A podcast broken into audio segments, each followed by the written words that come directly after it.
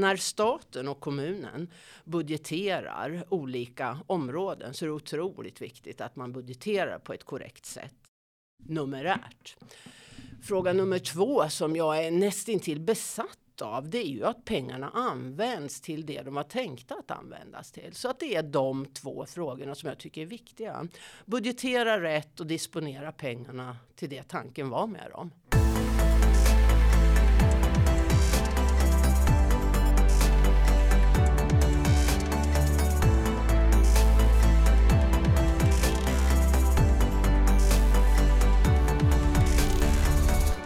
Bettina Kaceffi har tidigare arbetat som chefekonom på dåvarande SKL, numera SKR. Hon har varit statssekreterare hos två ministrar, chefekonom på Svenskt Näringsliv samt arbetat på Finansdepartementet. Idag leder hon Kommissionen för ökad skattenytta. Välkommen till Skattebetalarnas podcast. Uppskattat Bettina. Mm -hmm, tack så mycket. Eh, för de som inte eh, har hört talas om er, vad är Kommissionen för ökad skattenytta? Kommissionen eh, är en kommission som Leif Östling tog initiativ till eh, och vi satte igång för ja, ungefär en månad sedan. Vårt syfte det är inte att granska skatterna. Vi är inga nya skattebetalare. Vilken tur. Ja, det är ingen konkurrens här utan vi tittar mer på utgiftssidan. Mm. Får jag nytta för, för, för de resurser jag betalar in till stat och kommun. Mm. Det är det vi ska göra. Används resurserna, våra gemensamma resurser på effektivast tänkbara sätt. Det är det vi ska jobba med. Mm. Vad spännande. Eh, och varför engagerar de här frågorna dig? Ja, alltså jag har ju jobbat med de här frågorna i hela mitt yrkesliv. Det började med fördelningsanalyser på Finansdepartementet för ungefär hundra år sedan. Sen har jag ju jobbat som statssekreterare som du nämnde. Och alltså, alltså för mig är det väldigt viktigt. Ett, när staten och kommunen budgeterar olika områden så är det otroligt viktigt att man budgeterar på ett korrekt sätt. Mm. Numerärt. Fråga nummer två som jag är nästintill besatt av det är ju att pengarna används till det de var tänkta att användas till. Så att det är de två frågorna som jag tycker är viktiga. Budgetera rätt och disponera pengarna till det tanken var med dem. Mm. Har du, jag misstänker att man igång det här så har man väl en, en eh, grundläggande känsla av att det inte eh, fungerar helt korrekt idag, för då hade ni väl inte börjat. Finns det något särskilt område som du känner att ni särskilt ska sätta tänderna i? Ja, väldigt brett kan man säga. Det är klart att det finns en, en, en grund till att jag har tackat ja till att jobba med de här frågorna. Som du nämnde så har jag ju en bakgrund på SK, dåvarande SKL och där ha, ha, har man ju väldigt mycket data och input kring kommuner till exempel och regioner. Och där kan man bara konstatera att det finns inget som helst samband mellan hur mycket pengar man sätter in och vad du får ut i termer av kvalitet. Så det där är ju en fråga som vi vill gräva ordentligt i. Så det är liksom den kommunsektorn inklusive regionerna där hälso och sjukvården ligger bland annat. Sen har du hela infrastrukturen där det finns en hel del eh, eh, room for improvement om man säger så. Där har vi ju väldigt, väldigt svårt ifrån från det offentliga sida att göra korrekta dels projekteringar men sedan upphandlingar och slutnotan ligger ju ofta 100% över den initialt bedömda mm. kostnaden. Så det, det, det är ju väldigt mycket pengar det handlar om och i ett läge där vi ligger i topp och det är ju ditt gebit då, men vi ligger ju i topp vad gäller skattetryck och det är klart att det är otroligt viktigt att vi använder pengarna på ett effektivt sätt. Mm. Jag vill också koppla den frågan till demografin för att det är ju inte så att vi kommer att få fler förvärvsarbetande i landet givet demografin. Mm. Uh, utan inom en tioårsperiod så ökar antalet som är 80 år eller äldre i samma takt som, som arbetskraften 20 till 64 år. Så att vi kommer ju inte att få mer arbetskraft, vi kommer inte att öka lönesumman. Och lönesumman är ju det som genererar resurser till det gemensamma. Så det är ju jätteviktigt. Och sen Sen har vi ju hela utanförskapet också. Att försöka få folk i arbete. Det ligger ju mig varmt om hjärtat också. Mm. Men det är inte någon fråga som vi kommer att satsa fokus på egentligen i kommissionen. Nej, det låter ju som ett, ett, ett väldigt brett anslag redan från början. Alltså mm. det, finns ju, det blir ju väldigt mycket att göra här. Jag, vet att på din tid på Svenskt Näringsliv så, så gjorde ni en rapport tillsammans med VSP eh, om just kvalitet och kostnader i välfärden i kommunerna. Eh, och där väl Svenskt Näringsliv konstaterat att i runda slängar fanns ungefär 40 miljarder att spara om kommunerna lärde sig av varandra. Så man inspirerades av dem, inte nödvändigtvis de bästa, men de som åtminstone har en, en bra kvalitet och, och skapliga kostnader. Varför, det här är ju ändå otroligt mycket pengar. Varför, varför görs så lite i, i offentlig sektor, framförallt i då i kommunerna i det här fallet? Härligt Christian att du har koll på den rapporten. Den var för mig en väldig ögonöppnare den rapporten när vi tog fram den på Svenskt Näringsliv som du säger så identifiera att det fanns en förbättringspotential. Om alla blev lika bra som de tio eh, mm. bästa så skulle vi effektivisera motsvarande 40 miljarder. Man skulle kunna få mer verksamhet för samma prislapp. Alltså det är ju fantastiskt höga ja. siffror. Låt mig bara berätta. Då blev vi lite nyfikna. Vad handlar det här om egentligen? Mm. Vad är det som gör att man får ut hög kvalitet till en rimlig prislapp? Och vi kunde inte förklara det. Vi försökte köra regressioner på korsan och tvärsan. Men fortfarande så kvarstod då 80 oförklarat. Ja. Så det gick vi ut med enkät till företrädare för kommuner, både på politisk nivå och tjänstemannanivå. Och det budskap som jag tycker framgick på ett relativt tydligt sätt i ledarskapet. Mm. Så att det verkar vara så att ledarskapet och bra budgetstyrning, tydliga mål för verksamheten verkar vara det som är den viktigaste förklaringen till om saker och ting fungerar bra eller mindre bra i en kommun. Mm. Ja, det är precis min erfarenhet också mm. när jag har pratat med. Vi hade eh, Mikaela Fletcher i Österåkers kommunalråd här i podden för några veckor sedan och hon säger just det att de jobbar ju jättemycket med just ledarskapsfrågor mm. eh, och att, att ett, tydligt ledarskap är centralt för att lyckas. Jag har också sett de här eh, liksom, siffrorna i rapporten när man studerar då sambandet mellan kvalitet och kostnad eh, och lägger det i ett, eh, liksom ett diagram så ser det ut som en hagelsvärm. Det finns nästan ingen, i alla fall väldigt svag koppling mellan hur dyr en verksamhet är och vad den kostar. Mm. Och det är faktiskt helt fascinerande. Och det måste ju finnas massor där för, för kommuner att lära sig av. Och där, de har ju liknande verksamhet i alla kommuner. Sen är det klart att det finns unika förutsättningar i vissa kommuner. Men de borde ju kunna lära mer av varandra när det handlar om så mycket pengar. Eh, vilka andra är det som ingår i den här kommissionen? Du leder arbetet. Mm. Vilka andra är det som, som ingår i gänget? Mm, Leif Östling är ordförande då. Mm. Så är det jag och uh, Mattias Lundbäck som har arbetat med Mattias sedan 2006 faktiskt. Uh, Mattias Lundbäck jobbar också på Ratio och är mm. en hejare på, på hälso och sjukvård. Han är också disputerad i, hälso och sjukvårdens finansiering. Mm. Så det är en bit som han kan. Uh, Lars Jagren kommer, som nu jobbar på Svenskt Näringsliv, kommer att börja jobba halvtid hos oss uh, från första februari.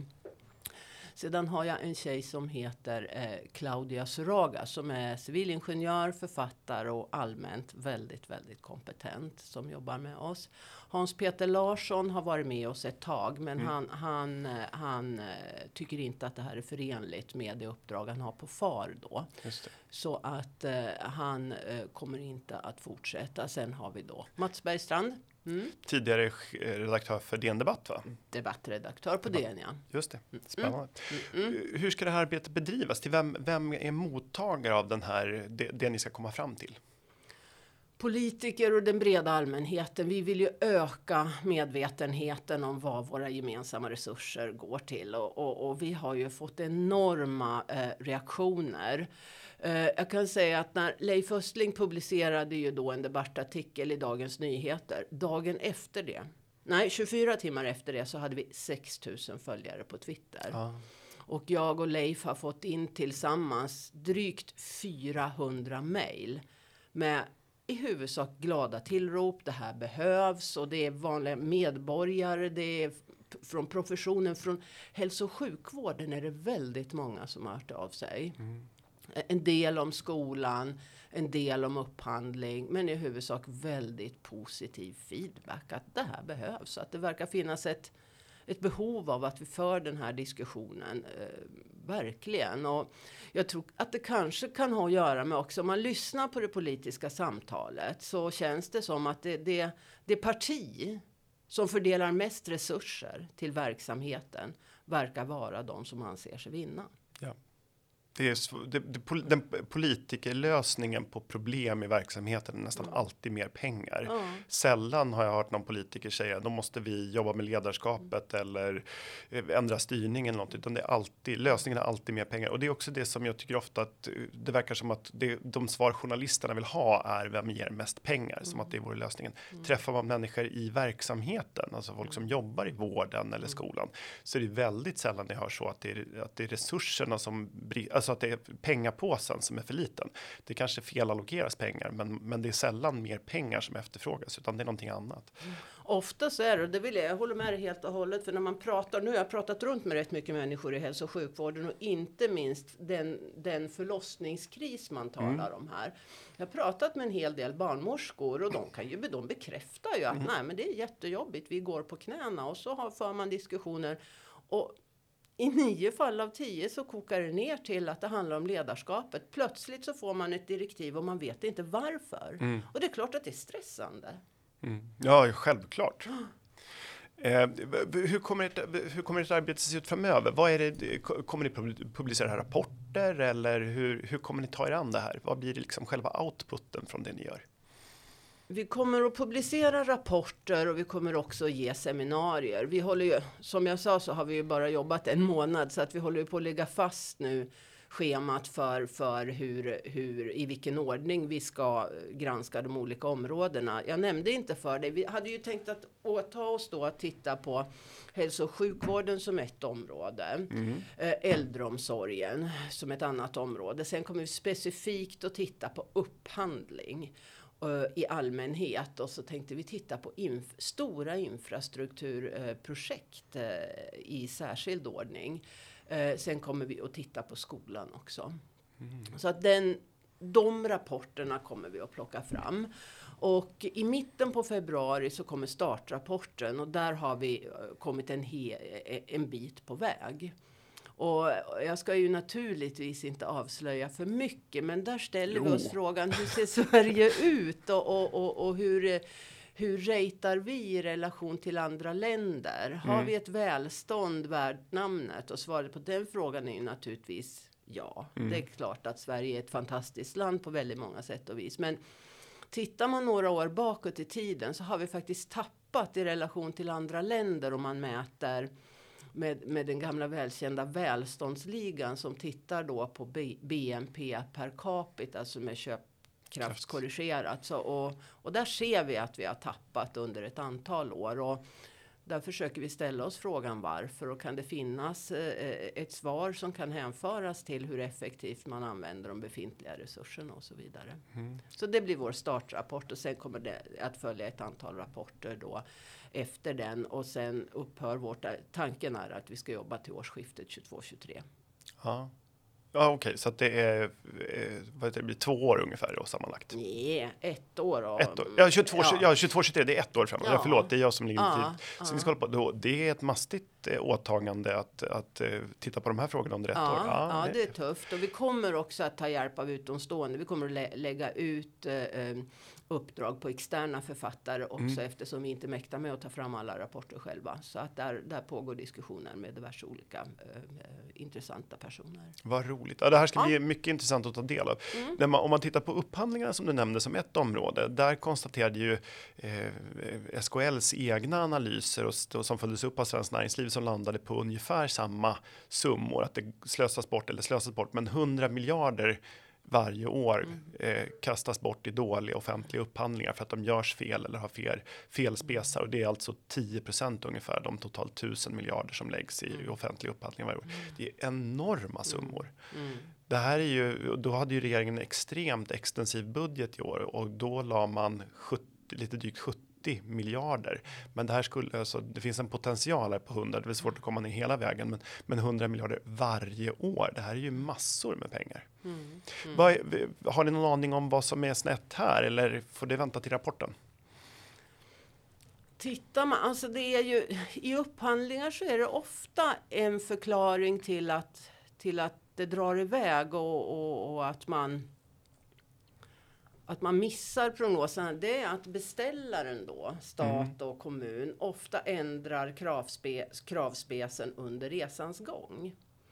Eh, vi har tittat på, VTI har tagit fram en väldigt intressant rapport och VTI jobbar med infrastrukturprojekt mm. och det är ett forskningsinstitut. Och de har ju konstaterat att från det att man fattar ett politiskt beslut då om ett visst projekt Eh, tills dess att man de facto upphandlar så har det kostnadsökningar som är rätt enorma. Sedan från det att du de facto har upphandlat det så ändras kravspecen under resans gång, vilket också är den huvudsakliga förklaringen till att du landar på väldigt mycket mer än du har tänkt från början. Mm. Så att ett mer strukturerat sätt att upphandla är väldigt viktigt och det är också slutsatsen ifrån eh, den rapport som togs fram på Svenskt Näringsliv.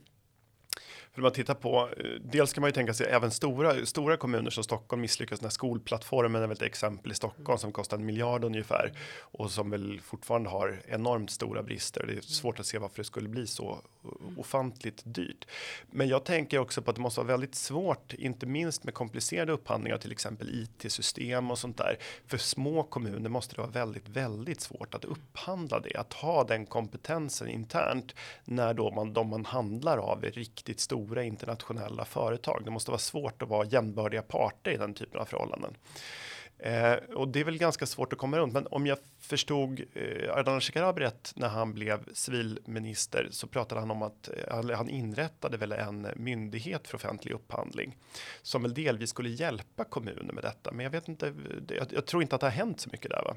Finns det något? Vet om det finns något statligt liksom stödverksamhet för kommuner och regioner att göra upphandlingar? Nej, jag, jag, vet inte riktigt hur de frågorna fungerar i Nej. dagsläget. Det, det, måste jag säga. Men jag har ju förstått att det, läste alldeles nyligen så kom Statskontoret ut med tankar kring att myndigheter ska stötta varandra i mm. byggande av IT-system. Och så vitt jag förstått så är Försäkringskassan rätt duktiga på det och Skatteverket känner vi ja. till. Så möjligen ska man försöka stötta varandra och det vore ju rimligt om man kunde göra samma sak ja. i kommuner och regioner också.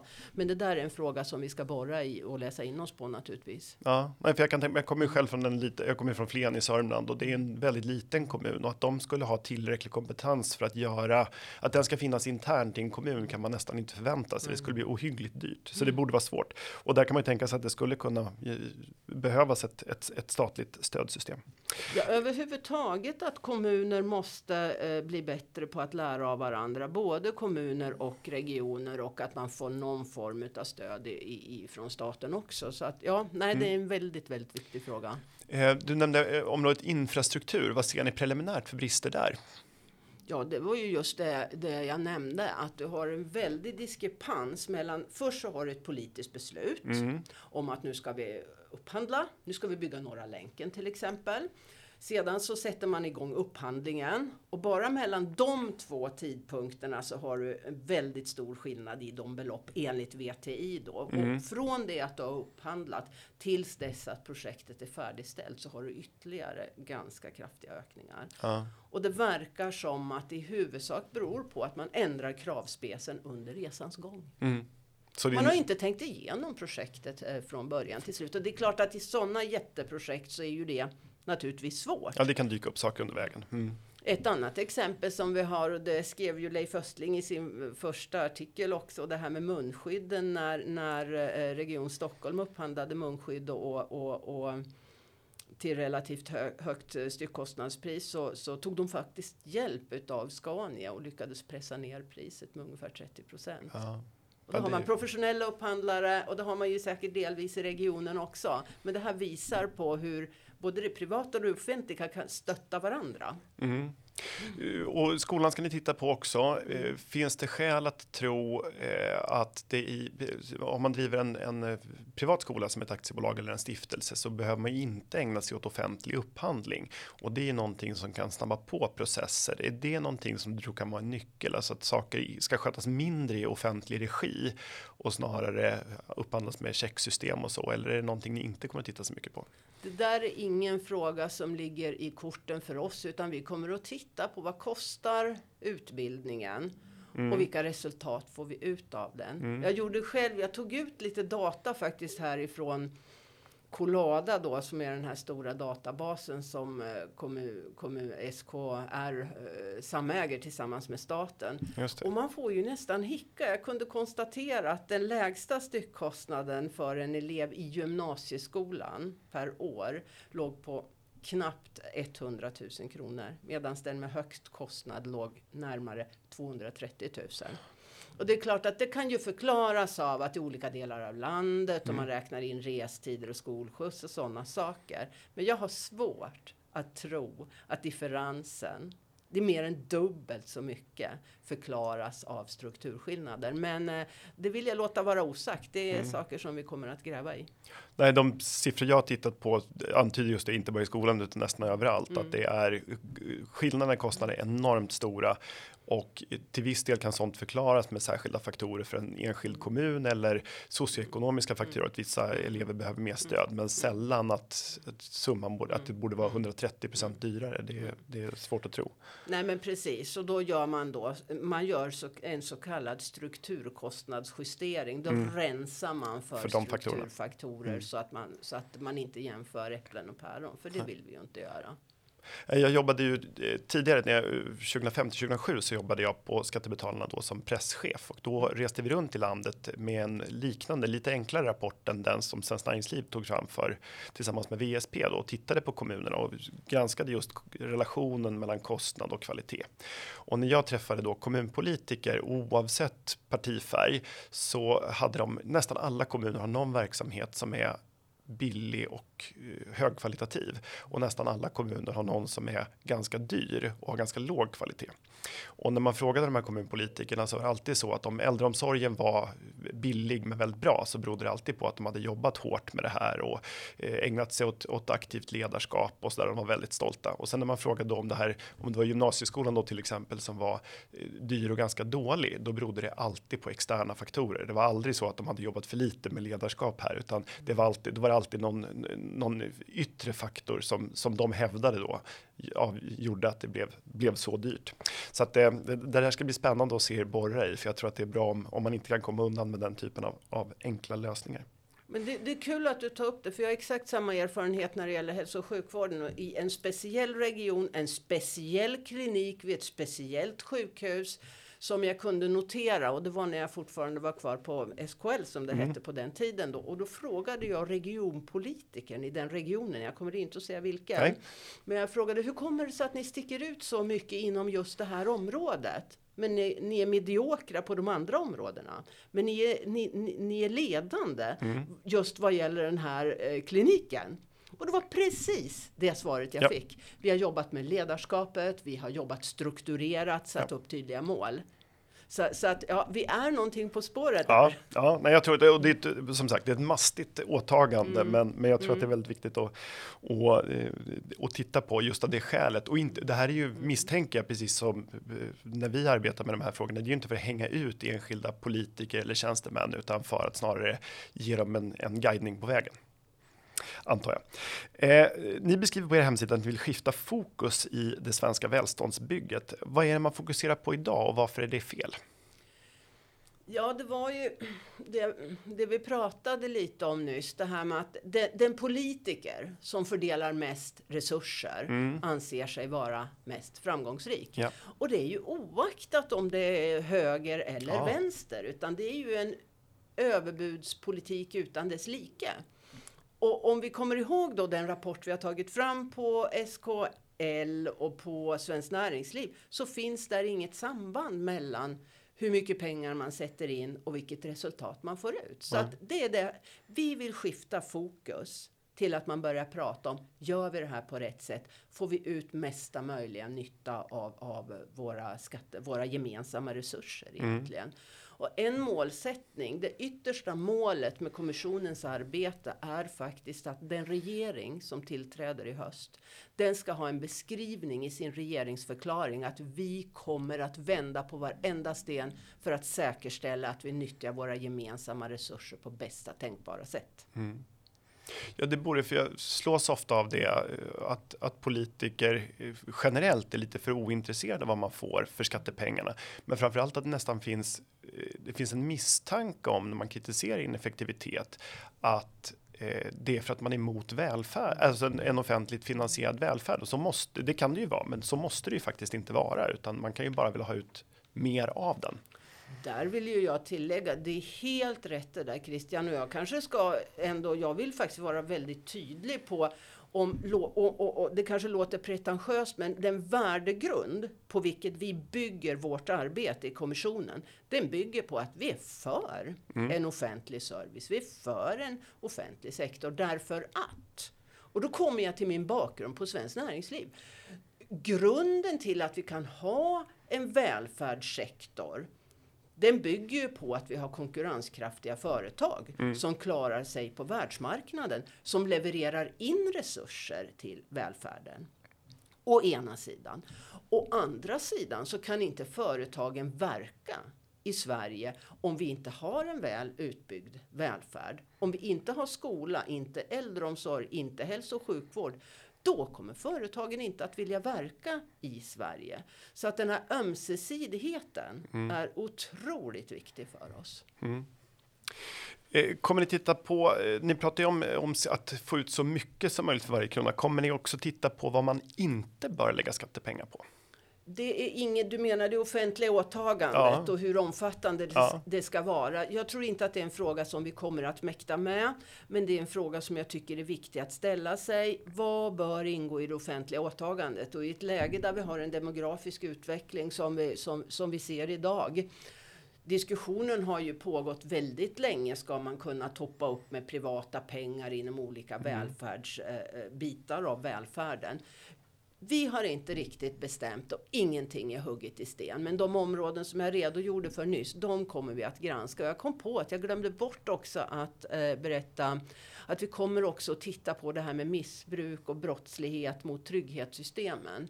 Ja. Vi vet att eh, det, det, det, betalas ut en hel del eh, pengar oriktigt genom att eh, människor och företag missbrukar trygghetssystemen.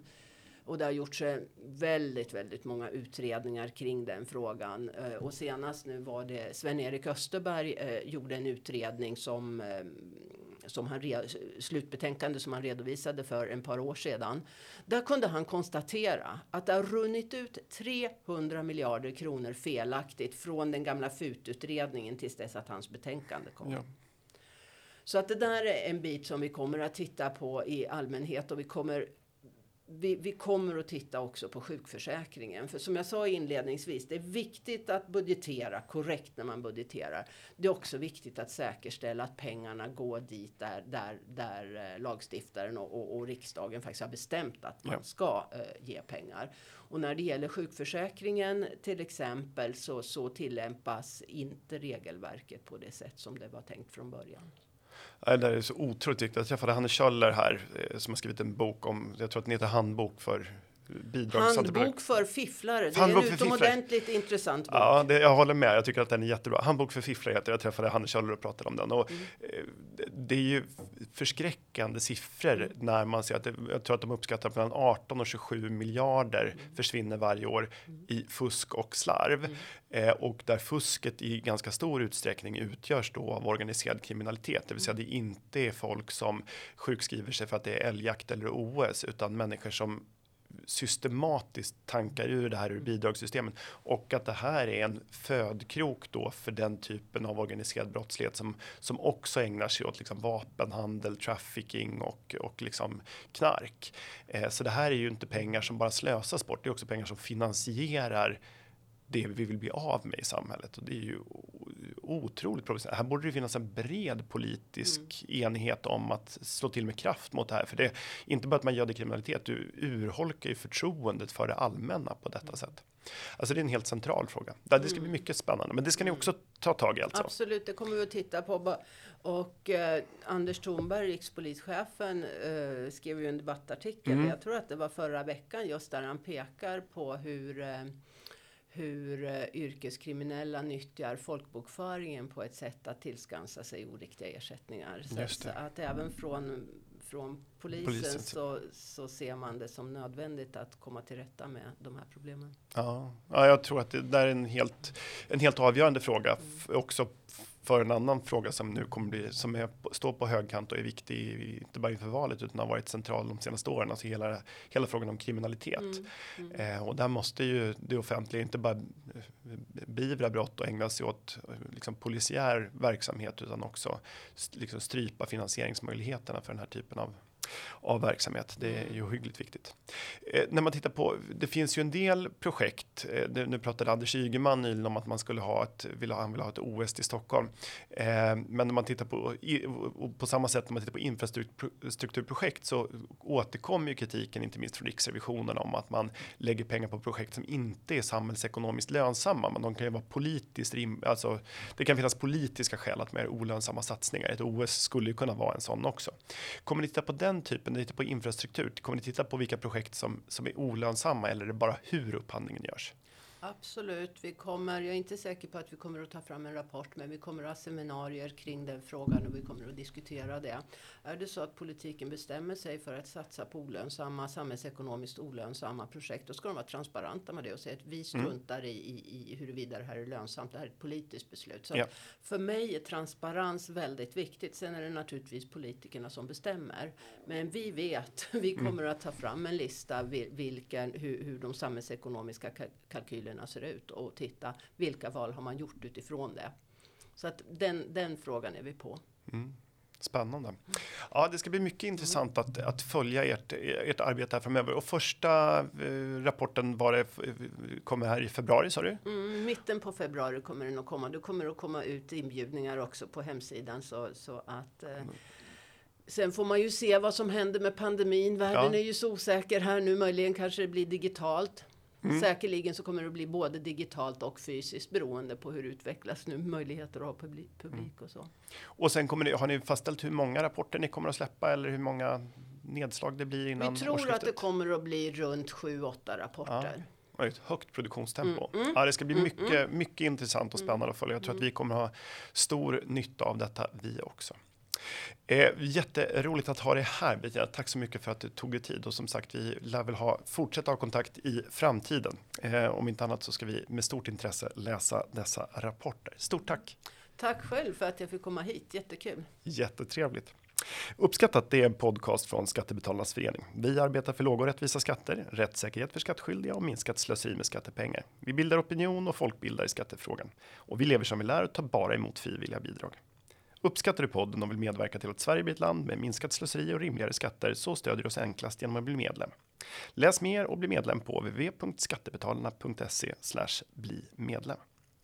Med det här avsnittet så tar vi lite julledigt. Vi hörs igen efter helgerna och jag hoppas att ni har en riktigt god jul och ett gott nytt år.